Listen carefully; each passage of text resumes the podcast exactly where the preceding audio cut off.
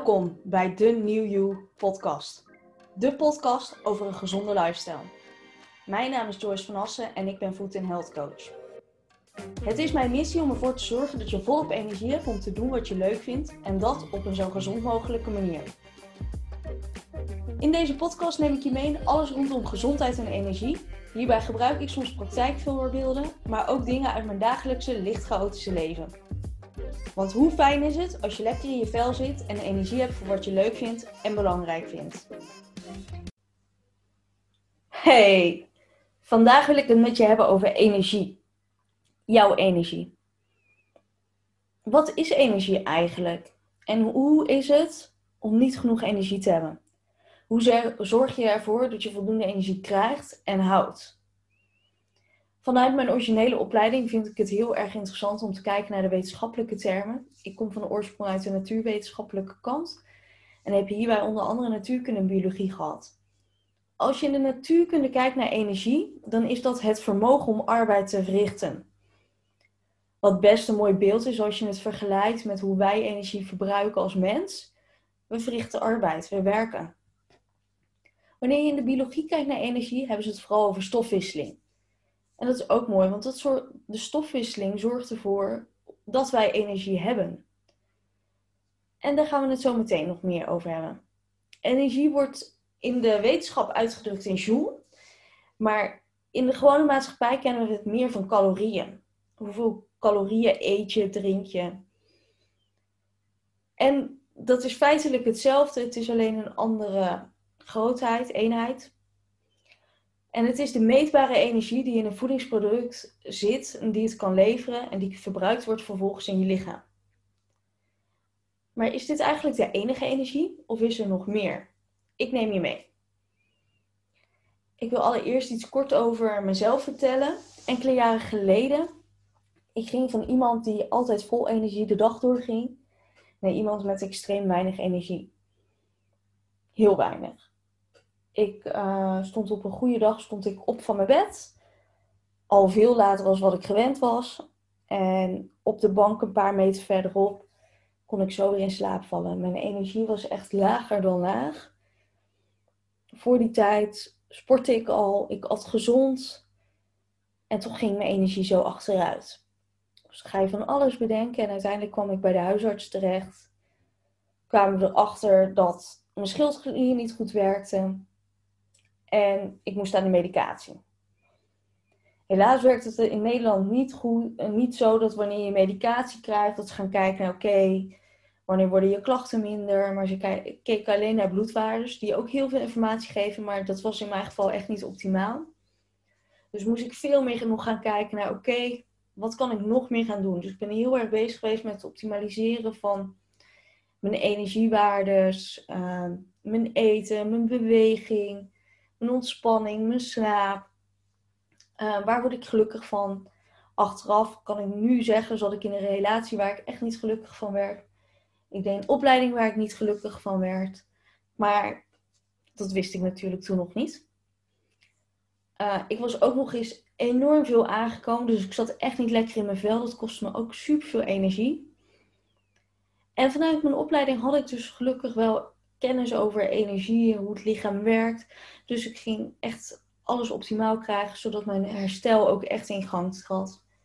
En dan zeg ik het zelf, dat is echt wel goed gelukt. En ik vind het dus ook interessant om jou die tools mee te geven. En aan het einde van uh, deze podcast geef ik je nog eens mee hoe je dat kunt doen. Uh, maar we beginnen bij het begin. Om energie te krijgen, moeten we dit tot ons nemen.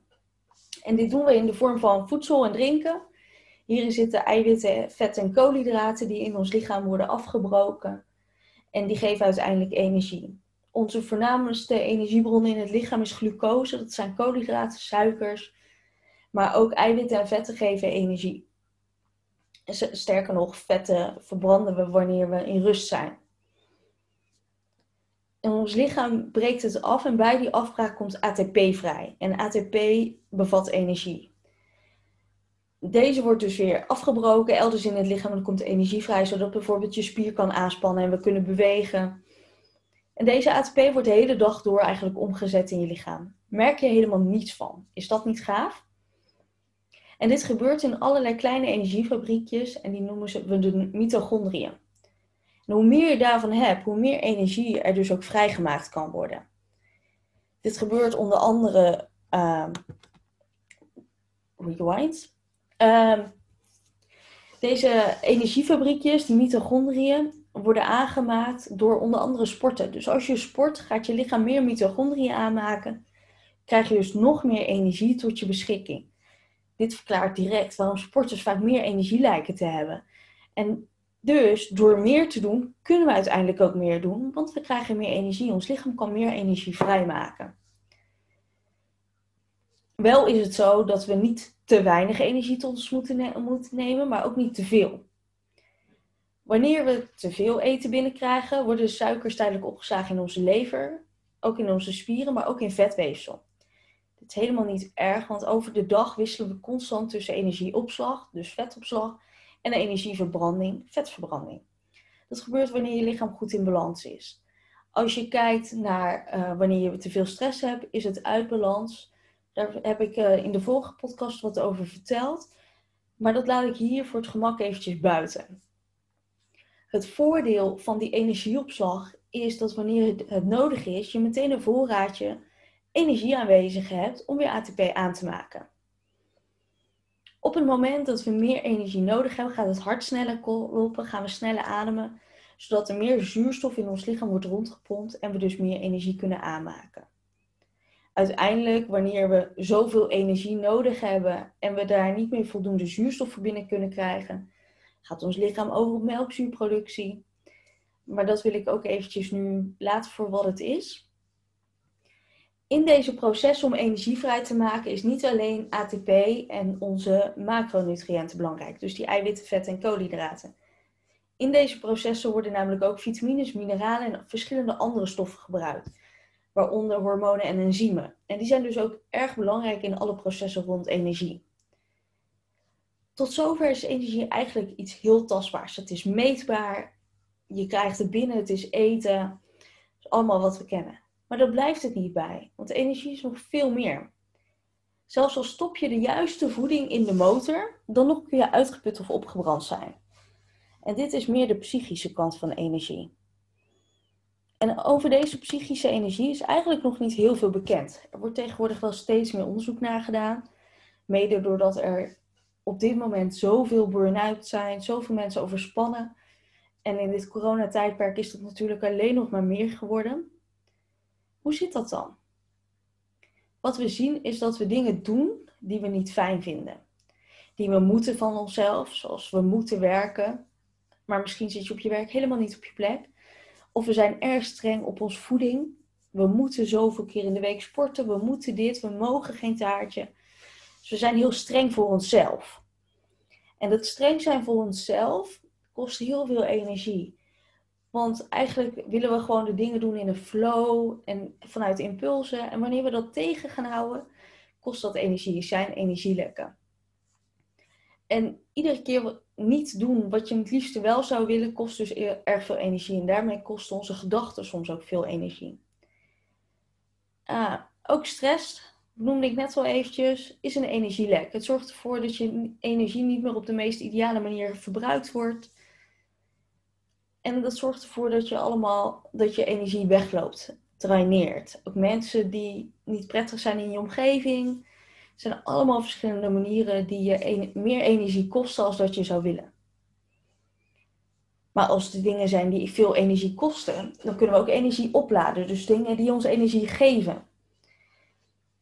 Een van die dingen is gezond eten. Zoveel mogelijk onbewerkt, niet te veel suikers, want die zorgen voor pieken en dalen in je bloedsuiker. Dus gezond, onbewerkt voedsel. Het tweede is bewegen. Zoals gezegd, door beweging maak je die mitochondriën aan, die energiefabriekjes. Dus zorg dat je genoeg regelmatig beweegt. Leer gezonde gewoontes aan. Want door iets een gewoonte te maken kost het minder energie omdat het in die flow blijft. Zorg ervoor dat je werk en je hobby's voldoening geven. Door iets te doen wat je leuk vindt, kun je er energie van krijgen. En aan de andere kant aanvaard wat je niet kunt veranderen. Want strijden tegen iets waar je toch niets aan kunt doen, dat heeft geen zin. En dat kost veel te veel energie. Daar word je niet gelukkig van uiteindelijk. Zorg voor fijne mensen om je heen. Vrienden die energie kosten zijn niet de juiste vrienden. Je vrienden zouden je juist moeten helpen om op te laden. Als ene laatste tip, zoek de natuur op. In de natuur heb je veel minder prikkels. En prikkels die zorgen ervoor dat je energie ook weglopen. Dus gewoon af en toe eventjes zo prikkelloos mogelijk zijn, helpt echt. En als laatste beperk stress. stress is echt nummer één energielek die er bestaat. Dus beperk dat en je hebt de helft al gewonnen.